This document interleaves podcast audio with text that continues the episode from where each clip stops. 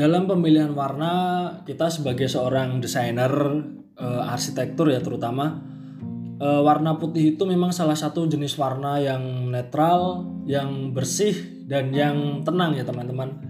Warna putih ini sendiri pun menurut saya pribadi memang sangat tepat sekali diterapkan dalam pengaplikasian gaya arsitektur modern, minimalis ataupun futuristik ya.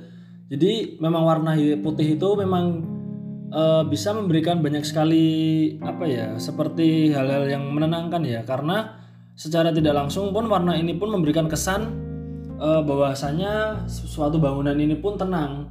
Dan warna putih ini pun akan bisa menjadi lebih menarik apabila kita bisa padukan dengan lighting uh, dengan warna warm. Jadi kesannya seperti bangunan yang hangat diselimuti warna putih yang menimbulkan kesan-kesan seperti uh, apa ya kedamaian dalam suatu harmoni bangunan. Mungkin banyak beberapa orang yang tidak menyukai warna putih, tetapi menurut saya pribadi warna ini pun sangat uh, able to able untuk penerapan konsep desain perancangan arsitektur uh, modern, minimalis ataupun kontemporer ya. Jadi warna putih itu memang memiliki banyak sekali manfaat dan keunggulan sebagai fasad, interior ataupun eksterior teman-teman.